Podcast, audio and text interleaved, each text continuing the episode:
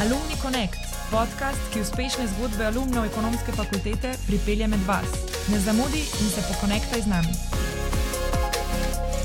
Pozdravljeni, dragi poslušalci, na novi epizodi Alumni Connect podcasta. Danes je z nami magistra Anita Stojčevska, glavna izvršna direktorica SKV banke. Gospa Stojčevska, zelo pozdravljeni. Pozdravljeni. Torej, gospa Stojčevska, kakšni so vaši spomini na ekonomsko fakulteto? Ja, moji spomini so zelo lepi. Uh, spomnim se uh, celo že prvega dneva, ko sem uh, vstopila v naprak te fakultete. Bilo nas je ogromno. Uh, spomnim se tega, ko smo prišli v ta veliko uh, dvorano, uh, to je bilo polno. Rabu si prideti celo pol ure prej, da si lahko našel prostor. Jaz sem bila sicer takšna, da sem vedno sedela med prvimi tremi vrstami, zato ker nisem videla na delač. Ne? In uh, so vsi mislili, da se grebem. Ne?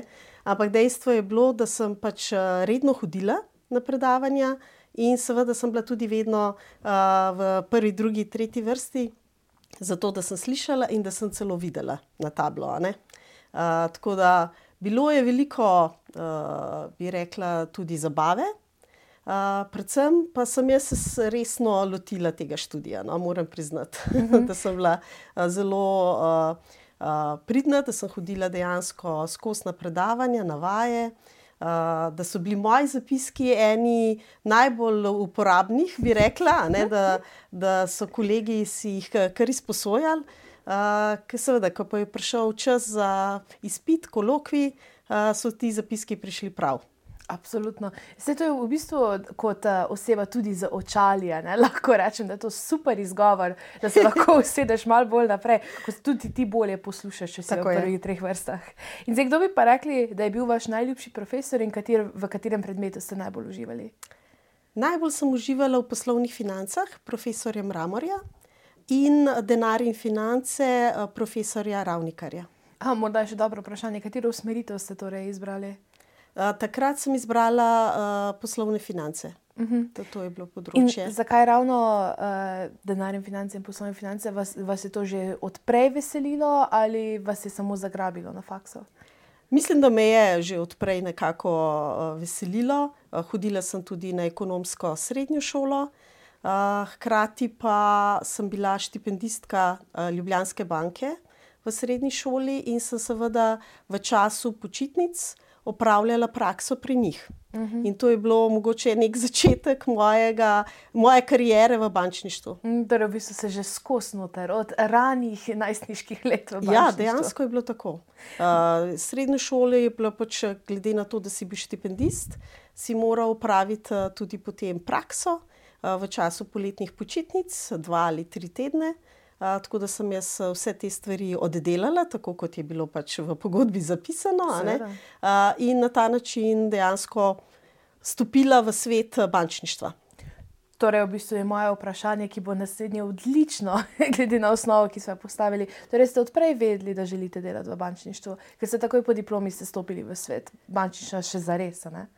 Mislim, da. da to, kar sem pač rekla, ne, vedela sem, da me to zanima. Uh, Seveda, kot, uh, ko začneš eh, hoditi ekonomsko, na ekonomsko fakulteto, so opcije za, za službo ali v specializacijo uh, seveda širše kot samo bančništvo. Uh, možno je seveda upravljati poklica tudi v kakršnem koli podjetju z področja financ, uh, prodaje. Uh, ampak eh, mene je zanesla pot v bančništvo. Mhm. In zakaj ravno bančništvo? In zakaj ne prodaja ali pa računovodstvo? Konec koncev je v bančništvu tudi del prodaje, tudi računovodstva. Tako da bančništvo je zelo podobno kot vsako podjetje. Uh, ima vse svoje funkcije, vezano na prodajo, nabavo, seveda finance, rizike. V glavnem vsa področja, ki jih vidimo tudi v drugih podjetjih. Veselilo me je predvsem to, da v bančništvu je neka širina, spoznaš delo tako podjetij, spoznaš potrebe občanov, hkrati pa lahko razvijaš svoje znanje na različnih področjih. Mhm. Zdaj, Začeli ste kariero kot uh, skrbnica malih in srednjih podjetij. Kaj bi rekli, da ste se na tej poziciji, vam, vam je bilo zanimivo, kaj ste se tukaj naučili? Kakšne izkušnje vam je bilo to kot začetek vaše kariere v SKB? -ju? Ja. Začela sem kot skrbnica malih in srednjih podjetij, tako kot si, kot si povedala. Zanimivo je bilo predvsem ta izkušnja, ko opravljaš delo z strankami. Se pravi, tukaj uh, moraš razumeti poslovne modele strank, razumeti finančno analizo njihovih bilanc, oziroma je tudi znati uh, uh, narediti. Kljub temu, da imamo druge službe, ki so za to zadolžene, ampak ko se ti pogovarjaš s stranko, uh, moraš znati stvari prebrati, uh, razumeti, z namenom, da tudi postaviš pravilna vprašanja. Tukaj je predvsem pomemben ta odnos s stranko, kjer posel delamo ljudje. Se pravi, v tam, kjer, kjer smo ljudje, je pa ključni odnos in seveda tudi zaupanje. Se pravi, za vsak, za vsak posel, ki ga delamo, je ključno spoštovanje enega partnerja in seveda tudi potem, da to, kar delaš, seveda delaš tudi srcem. Ja, ravno to, kar ste povedali, je, ker v kratkem opisu za šport 2023 ste dejali, da je vaš ponos služiti strankam, podpirati gospodarstvo in okolje, in da ste globoko predani več kot 200 tisoč individualnim, profesionalnim in pravnim strankam banke, ker je vaše poslanstvo graditi zaupanje in zadovoljstvo strank ter uresničevanje njihovih projektov. Bi rekli, da je, to, da je to nekaj, kar ste videli pomen že takrat, ko ste začeli, ali je to nekaj, kar ste se naučili v vaših letih delovanja v banki? Verjetno sem se veliko stvari naučila. Ja, mhm. drži, sigurno. Ko zaključiš fakulteto in ko stopiš v poslovni svet, seveda se ti odpre neka druga izkušnja, neka druga perspektiva. Seveda, zato je potrebno nekaj kilometrine. Tako da, ja, zdaj, že glede na to, da že stopam v 29. leto dela v bančništvu, se je tega kar nekaj nabralo. Uhum. Ste pa le nekaj let po začetku vaše kariere v SKB že prevzeli vodilno vlogo in vodili na to oddelek teh malih, majhnih in srednjih podjetij. Kakšna je bila pa takrat vaša izkušnja z vodenjem, glede na to, da ste tako hitro prišli na vodstveno pozicijo? Vam je bilo vem, zastrašujoče, intimidating, bi lahko rekli v angleščini? Vsekakor, ko prevzameš vodilno vlogo, je to ena velika odgovornost. Uh, bila sem izbrana med uh, kolegi, ki smo bili nekako vrstniki uh, in smo tudi uh, stopali v kariero, bančno kariero skupaj, uh, vendar sem jaz izbra bila izbrana kot uh, vodja. Čutila sem veliko odgovornost, hkrati pa to bila priložnost, uh, da pokažem, uh, kaj lahko zmorem. Uh, ne sama, ampak skupaj z svojim timom pri vodenju je tako kot pri športu, ključna je ekipa, ključno je delo z sodelavci, ključno je že to, kar sem prej povedala, medsebojno zaupanje in seveda tudi medsebojno spoštovanje. V poslu je treba brzdati ego. Ne? In seveda delati na tem, da a, dosežemo tiste cilje, ki smo si jih zastavili skupaj. Absolutno. Zdaj, kak, zdaj, to je tudi zelo dobro vprašanje, kako to strateško vzpostaviti. Če ti prideš kot nova oseba v tim, kako doseči ravno takšne odnose, kot ste jih opisali? Z odprto komunikacijo. Mislim, da je odprta komunikacija, transparentnost, eh, eh, poslušanje mnen drugih, eh, spoštovanje leteh, seveda, ključno. V določenih, seveda, situacijah je pomembno, da seveda sprejmeš tudi samo določeno odločitev.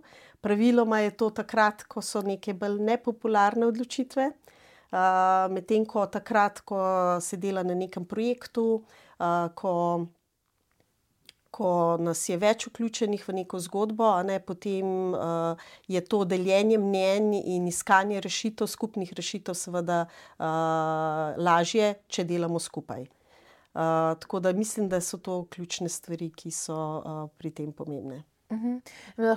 Vas lahko samo tako vprašam, za tiste, ki ne vemo, kaj dela oddelek majhnih in srednjih podjetij? Uh, ta sektor je bil zadolžen dejansko za trženje produktov malim in srednjim podjetjem. Predvsem gre za to odpiranje računov, dajanje kreditov, zbiranje depozitov, seveda svetovanje podjetjem v primeru, ko so v težavah. Te, te zadeve so. Mhm. Dejansko gre za odnos s strankami v komercial, komercialni odnos s strankami. Mhm. In kaj bi rekli, da je bil tukaj največji izziv? Ravno ko ste omenili, torej dober tim, da ste se eh, z dobrim timom lotili izzive. Kaj bi pa rekli, da je bilo tisto, kar vam je najbolj ostalo v spominu? Jaz bi rekla te odnosi s strankami. Uh, vsaka stranka je specifična, za vsako stranko se moraš posebej pripraviti. Vsaka stranka ima svoje lastne potrebe, in uh, za vsako od teh strank moraš poiskati ustrezno rešitev.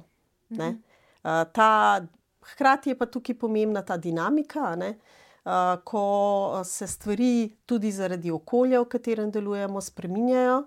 In je pa pač potrebno prilagajati tudi naše poslovne odločitve uh, zahtevam, ki jih imamo tudi interno, uh, pri, vezano na oceno tveganosti stranke in seveda na koncu iskanja rešitev, ki so primerne tako za stranko, kot seveda uh, z vidika banke. Kako pa dosežeš, da ti stranka zaupa? Predvsem z odprto komunikacijo, z uh, fair playem, Se pravi, ko iščemo rešitve, jih iščemo uh, v dobro obeh entitet, se pravi banke in stranke, uh, in uh, z dejansko uh, stalno prisotnostjo uh, pri stranki. Zato, da veš, kaj se stranko dogaja, da lahko stranki ponudiš v tistem trenutku, ko stranka rabi neko naložbo, uh, finančno podporo, hkrati pa, ko stranki ne gre najbolje predlagati tudi rešitve, kako iz tega iziti. Torej, to je v bistvu tudi pristnost odnosa med prodajalcem in stranko. Absolutno. Mhm. Absolutno. In zdaj, prej ste veliko omenili ravno dober tim. Torej, kakš, kako se je vaše, vaši pogledi ravno na delovanje tima, na ohranjanje odnosov spremenilo, takrat, ko ste prvič prevzeli tim in danes? Ja, to, ta, ta evolucija razvoja vodenja, mojega vodenja, se je seveda skozi leta uh, spremenjala. Uh, absolutno uh, sem tudi v svojih prvih korakih naredila tudi kakšno napako, uh, hkrati pa sem vedno strmela k temu, da iščem rešitve, ki so dobro, dobre za tako moje sodelavce, banko kot celoto, in seveda, da se kot tim vedno počutimo dobro. Ker mislim, da so ti odnosi, ki so ključni, pomembni tudi za ohranjanje nekako celovitosti tima in povezljivosti tima. Pomembno pri tem, seveda, je, da timu zaupaš, da se pogovarjaš, da iščeš rešitve na način, da so sprejemljive tako za, za me, kot vodjo, za banko in seveda tudi za sodelavce. Je pa tako, da v timu je vedno eden, ki je vodja, je nekdo, ki mora usmerjati stvari. Tudi ta vodja rabi kdaj tudi podporo. Tukaj so pa ključni potem mentori. Jaz sem imela srečo, da sem v tej uh, svoji karieri vedno imela uh, pri sebi vodje, uh, ki so me ustrezno usmerjali, me spodbujali, dajali tudi podporo, včasih tudi usmerili, malo drugače. Ne? Uh, ne, ne malo krat sem kakšno kritiko sprejela tudi preveč osebno, vendar potem, ko pogledaš za nazaj ugotoviš, da so bile vse te uh, zadeve, vse te uh, nasveti, kritike dobrodošli in iz tega se dejansko največ naučiš. Mhm. Zdaj, Utrnila se mi je misel, da v bistvu ima tim res ogromen pomen, dober tim, še posebej v strukturirani korporativnem okolju. Potem pa, ko je pa vedno treba pomisliti, da je pa dober tim ključen tudi na drugih področjih, ne samo v strukturiranem, tudi v nestrukturiranem okolju. Ker ravno tako ste rekli, odprta komunikacija, pristni odnosi, to je tisto, kar v bistvu naredi dober projekt še boljši in boljši projekt izvedljiv. Ja, absolutno. Ne. Uh, jaz vedno potegnem paralelo uh, dobrega tima v podjetju uh, z športom, športno ekipo. v ekipi, športni ekipi, ima vsak igralec svojo vlogo. Drži? Uh -huh, absolutno. Uh, vsak uh, imamo, seveda, trenerja, a ne koča, uh, vodjo. Ampak tudi znotraj tima se kdaj pa kdaj izpostavi nekdo, ki je tudi vodja uh, uh, v smislu uh, vzdrževanja tima, povezovanja, uh, spodbujanja tima. Vzemimo primer Luke Dončiča. Ne? Če se dobro spomnim, jaz sem pač igrala košarko, zato mi je vedno a, ta paralela a, vedno koristila. Se pravi, vsak ima svojo vlogo v timu, pomembne so vrednote, skupne vrednote, pravila igre, a hkrati pa pomembna zmagovalna miselnost. Absolutno. Um, zdaj, vodili ste tudi zelo zanimiv oddelek. Prej ste omenili, da uh, je bila vaša vaš prvi oddelek, torej majhna in velika podjetja, da ste imeli tudi tržni aspekt uh mhm. -huh. svojega delovanja. In na to ste vodili oddelek za strategijo in marketing za poslovne stranke. In zdaj me zanima, kaj, kako bi opisali trženje v banki? Ker če. Govorimo tako, ne? seveda je logično, da je tudi element delovanja banke trženja. Ampak kaj bi vi opisali kot ključno razliko med trženjem v banki in drugačnim trženjem? Pri, pri delu s strankami je seveda bilo uh, predvsem ta pomemben odnos stranka-banka ali pa stranka-skrbnik. Pri trženju oziroma marketingu, pri oblikovanju strategij, gre pa za uh, predvsem ta način, kako pristopiti do strank, kaj jim ponuditi, uh, kako izboljšati naše tržne deleže, uh, kaj lahko še naredimo, da je naša banka prepoznavna v okolju, tudi na področju poslovanja z podjetji. Uh, vsekakor so to, jaz mislim, elementi uh, trženja, uh, strategije, oblikovanja strategije zelo podobni uh, v bančništvu ali pa pri uh, nekem podjetju. Ne. Uh, seveda, moraš imeti za to znanje, uh, zato moraš um, imeti ustrezno ekipo ljudi uh, in seveda pregledovati tudi, uh, oziroma si širiti znanje z nekimi novimi pristopi, uh, ki, se, uh, ki se razvijajo na trgu. Tako da jaz tukaj bi rekla, če to primerjam med bančništvom ali nekim drugim okoljem, da so zadeve dokaj uh, podobne. Je bila menjava okolja iz majhnih in velikih podjetij in strategijo in marketing za poslovne stranke zelo velika, je bila znatna ali so se stvari prelivale druga v drugo? Mislim, da so se več ali manj prelivale, zaradi tega, ker eno je, um, jaz bi celo tako rekla, včasih je bolje, da najprej začneš svojo pot z morebitnimi oblikovanjem teh nekih tržnih strategij, pristopov, in potem greš v, v, v front office. Uh, in vidiš, ali to, kar si recimo nekako teoretično stvari oblikoval ali pa uh, si jih zastavil, ali stvari pijejo vodo v praksi. Uh -huh. Jaz sem sicer šla v drugo, v drugo smer, ne, da sem bila najprej v praksi in potem. Um, Oblikovala strategije in pristope, vendar vse te stvari, v vsakem primeru, sem imela to že izkušnjo iz prakse, da sem lahko tukaj stvari nadgradila. Ne? Ampak mislim, da je vedno ključno, da širiš ta obzorja, da nisi vedno samo na nekem področju poslovanja, ampak da širše vidiš, kako se določene stvari dogajajo v banki in kaj lahko še dodatno prispevaš k izboljšanju rezultatov banke kot celote. To morda ni najslabša stvar, da ste bili najprej v praksi in potem še napisali strategije. Ne, niti ne. Ravno zato, ne? ker v bistvu ste videli, kaj se da, ste spoznali rigidnost procesa, ker tudi jaz sama pri sebi vidim v korpo okolju, so procesi veliko bolj rigidni, kot si lahko misliš. In v bistvu ste s tem znanjem lažje napisali strategijo in načrt delovanja. Tako je. Tako je, je, se pravi, vedno, pa, vedno pa pravim, da ljudje ne smemo obstati na enem mestu, ne? vedno je treba je tiskati širino. Jaz tudi vedno rečem nekomu, ki je mora biti kdaj zelo kritičen, vezano na neko področje dela ali karkoli, pa daj ti stopi v te čevlje, pa pokaži, kaj znaš. Absolutno. Ja. Uh, zdaj, samo tako vas vprašam, koliko so vam bili pa všeč ravno ti predmeti na fakulteti? Trženje in marketing. Tako. Tudi, ampak raj sem bila v financah, moram priznati. Računovodstvo, finance, poslovne finance, to, to so meni vedno ležali ne, predmeti in nekako so mi bili, tako bi rekla, bolj. Uh, bolj konkretni, bolj uh, opremljivi, ne? številke so od zadja. Uh, Absolutno, vem točno, o čem govorite. Ampak, a je pa pomembno tudi študentje finančnih smeri, ne danes, torej lahko rečem bolj teh ekonomskih smeri, da tudi obvladajo trženje pa marketing? Absolutno. Seveda, te širine znanj, uh, poznavanja večjih področji, to so samo koristne stvari. Ne? Uh mhm. -huh. ne? In tudi ko enkrat prestopiš prak eh, te inštitucije, to ne pomeni, da imaš eh, znanje vsega sveta, vse skozi moraš eh, svoje znanje dopolnjevati.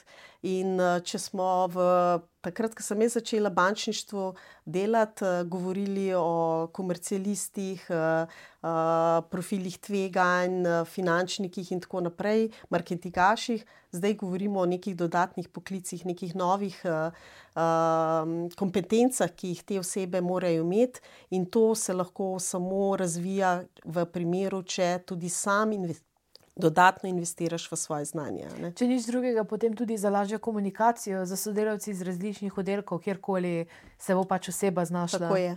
Ker je lažje, lažje komunicirati, če imaš tudi malo arsenal tega. Razumeti moraš, ne? seveda ne, se ne pričakuje, da moraš ti vse znati, ker je to nemogoče, ne? ampak je pa smiselno uh, v timih, kjer so interdisciplinarni timi, da poslušaš in slišiš, kaj ti tudi kolegi povedo, da poskušaš tudi razumeti. In da potem lažje z njimi oblikuješ rešitev. Absolutno. Zdaj, leta 2021 ste prejeli nagrado Artemida Združenja Manager, eh, ki jo podeljuje posameznicam, ki ste prebile stekleni stop in ste prvič, eh, ste prvič prevzeli najvišjo vodstveno funkcijo v gospodarski ali pomembni negospodarski družbi. Kako vam je bilo prejeti to nagrado? Moje prvo vprašanje. Bila sem zelo počaščena, zato ker so me za to nagrado dejansko nominirale moje sodelavke. Hmm. Hkrati je pa za me to tudi neke vrste odgovornost, ne? ker s tem, ko dobiš nagrado, dejansko si izpostavljen, še toliko bolj. Pričakuje se, da pač tudi vnaprej deluješ skladno z vsemi vrednotami, z vsemi bi rekla, ambicijami, ki si jih imel tudi do sedaj. Uh, tako da jaz te stvari jemljem zelo odgovorno. No. Veliko se govori o prebijanju steklenega stropa. Kaj to pomeni za vas? To pomeni, da uh, ko dosežeš vrh, še ne pomeni, da je ta vrh, uh, uh, da je na tem vrhu uh, vse vse, kar si že dosegel, vedno obstaja še nekaj več. Ne? Hkrati je pa na vrhu vedno prepih. ne, to sem tudi takrat uh, ob uh, nagradi pač povedala. Uh, zato um, moraš vedno uh, to svoje znanje dopolnjevati, vedno si postavljati neke nove izzive, ne obstati v neki coni obdobja, uh, iskati nove sodelavce, nova znanja, nove priložnosti za razvoj. Uh, tako da ni nikoli dolg čas. Ja, to pa absolutno verjamem. Zdaj, v intervjuju ste dejali, da je za vas na prvem mestu ekipa. Bi rekli, da je bila ekipa tista, ki vam je pomagala priti do vodilne pozicije, ki ste danes? Kaj bi rekli, da je bilo spremljevalna točka na vaši poti do direktorstva? Absolutno je vedno uh, v poslu posla ne moreš delati sam. Vedno je tukaj neka ekipa uh, ljudi, sodelavcev, s katerimi uh, sodeluješ, s katerimi uh, iščeš uh, poti za nove dosežke, uh, nikoli pa ni to odvisno od enega človeka. Seveda, uh, sama sem tukaj tudi veliko. Uh, pripomogla, ne? ni to, da zdaj pa je to samo stvar ekipa, no, ampak uh, ključno je tukaj uh, tudi ta sama, samodisciplina, odgovornost, trdo delo, uh, zauzetost, požrtvovalnost, uh, uh, spoštovanje drugih, uh, poslušanje, uh, iskanje nekih novih rešitev. Hkrati pa ta, ta pomoč, sodelovanje vseh ostalih kolegov, ki so uh, uh, pri tem uh, sodelovali, hkrati pa seveda podpora vodi. Mhm. Ne, ker seveda tudi jaz uh, sem imela uh, vodje, ki so pri tem vedno bili mi v podporo, in jih hkrati imam tudi še danes. No, in vsakega od njih jemljem kot zelo pomembnega, pomemben faktor v razvoju moje kariere, v smislu uh, mentoriranja ali pa uh, coachinga. Uh mhm. -huh. Zdaj, od leta 2019, torej direktorica SKB banke, kakšni so vaši cilji za prihodnost? Najbolj pomemben cilj je seveda zdaj, ko se združujemo z novo kreditno banko Maribor, da seveda speljemo to združitev do uspešnega konca. Projekt je seveda zahteven, postavljamo dejansko največjo banko v Sloveniji na področju poslovanja z krediti in depoziti. Po bilančni soti bomo verjetno druga banka, vendar seveda naš cilj je postati najboljša, največja banka ter seveda zagotavljati storitve, ki jih bodo pač naše stranke uporabljale in seveda se nam zvesto tudi vračale. Pa imate morda še kakšne osebne cilje, ki jih želite izpeljati v svoji nadaljni karieri? Osebni cilj bi jaz rekla, uh, da seveda bi si želela, da. Um, da pa, Zahtevno vprašanje. Zahtevno vprašanje. uh, da, da bi imela več časa za sebe. No. Ah. To mislim, da ne, ker je ta tempo uh, življenja in dela je, uh, zahteven, uh, vzame ti veliko energije, hkrati pa seveda moraš ustrezno imeti ravnovesje med svojim privatnim življenjem in delom. Uh, vedno ga ni, uh, recimo zdaj, ki je tako velik projekt, uh, zahteva to res uh, 100 in 120 odstotkov angažiranost ljudi, ne? ne samo mene kot vodja, ampak tudi vseh naših sodelavcev. Uh, tukaj jim moraš stati ob strani, uh, ni samo, da, uh, da so to neke enostavne stvari, ne? ampak zahtevajo veliko angažiranost vseh in to jemlje kar nekaj energije. No? Tako da Najbolj si želim, ne, da bi uh, se ta zgodba končala, da bi si potem vzela nekaj časa, da bi lahko šla tudi na kakšno spet daljše potovanje, uh, ki. Katerega sem zdaj že nekaj časa kar opustila. No? Skoraj, Tudi zaradi korone. Verjamem, ja. to je skoraj da večna enigma, ta work-life balance. Ja, res je. Še posebej, če želiš. Moraš biti veliko samodiscipliniran. Absolutno. Tukaj, Še posebej, če želiš doseči res nekaj velikega, narediti res nekaj velikega, potem je. Uh, težko vzpostaviti work-life balance, ki dolgoročno, trajnostno deluje. Tako, tako je. Zdaj, Za konec bi vas pa vprašala, imate kakšen svet za študente, ki so danes to, kar ste vi bili pred nekaj leti, pred dvema, trema letoma, ne se ne več kot to. Um, finančnih smeri, na kaj ste najbolj pozorni ob podajanju na poslovno pot? Ko študenti zaključite uh, vašo študijsko dobo na fakulteti, seveda pristopate potem v nek nov svet. Eh, ta svet uh, je seveda uh, veliko, zahteva veliko več odgovornosti.